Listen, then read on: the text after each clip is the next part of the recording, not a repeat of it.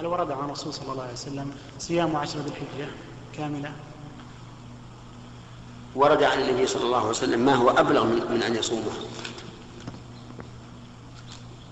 فقد حث على صيامها بقوله حيث قال عليه الصلاة والسلام ما من أيام العمل الصالح فيهن أحب إلى الله من هذه الأيام العشر.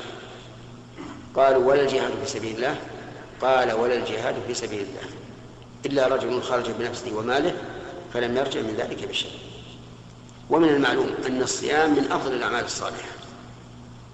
حتى أن الله تعالى قال في الحديث القدسي كل عمل ابن الله الحسنة بعشر أمثالها إلى سبعمائة ضعف إلا الصوم فإنه لي وأنا أجزي به.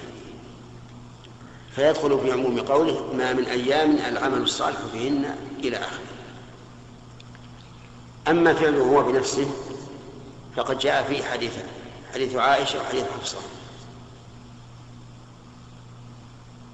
أما حديث عائشة فقالت إنه إنها ما رأيت النبي صلى الله عليه وسلم صام العشر قط.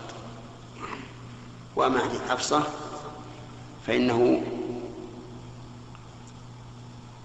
فإنها تقول إن النبي صلى الله عليه وسلم لم يكن يدع صيامه.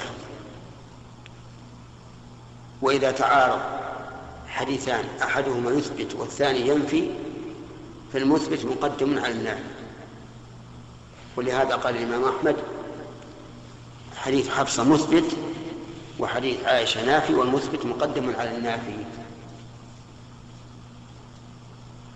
وأنا أريد أن أعطيك قاعدة. إذا جاءت السنة في اللفظ فخذ بما دل عليه اللفظ. أما العمل فليس من شرط فليس بالشرط أن نعلم أن الرسول فعله أو فعله الصحابة. ولو أننا قلنا لا نعمل بالدليل إلا إذا علمنا أن الصحابة عملوا به لفات علينا كثير من العبادات. ولكن أمامنا لفظ حجة بالغ واصل إلينا يجب علينا أن نعمل بمدلولها سواء علمنا أن الناس عملوا بها فيما سبق أم لم يعملوا بها. نعم.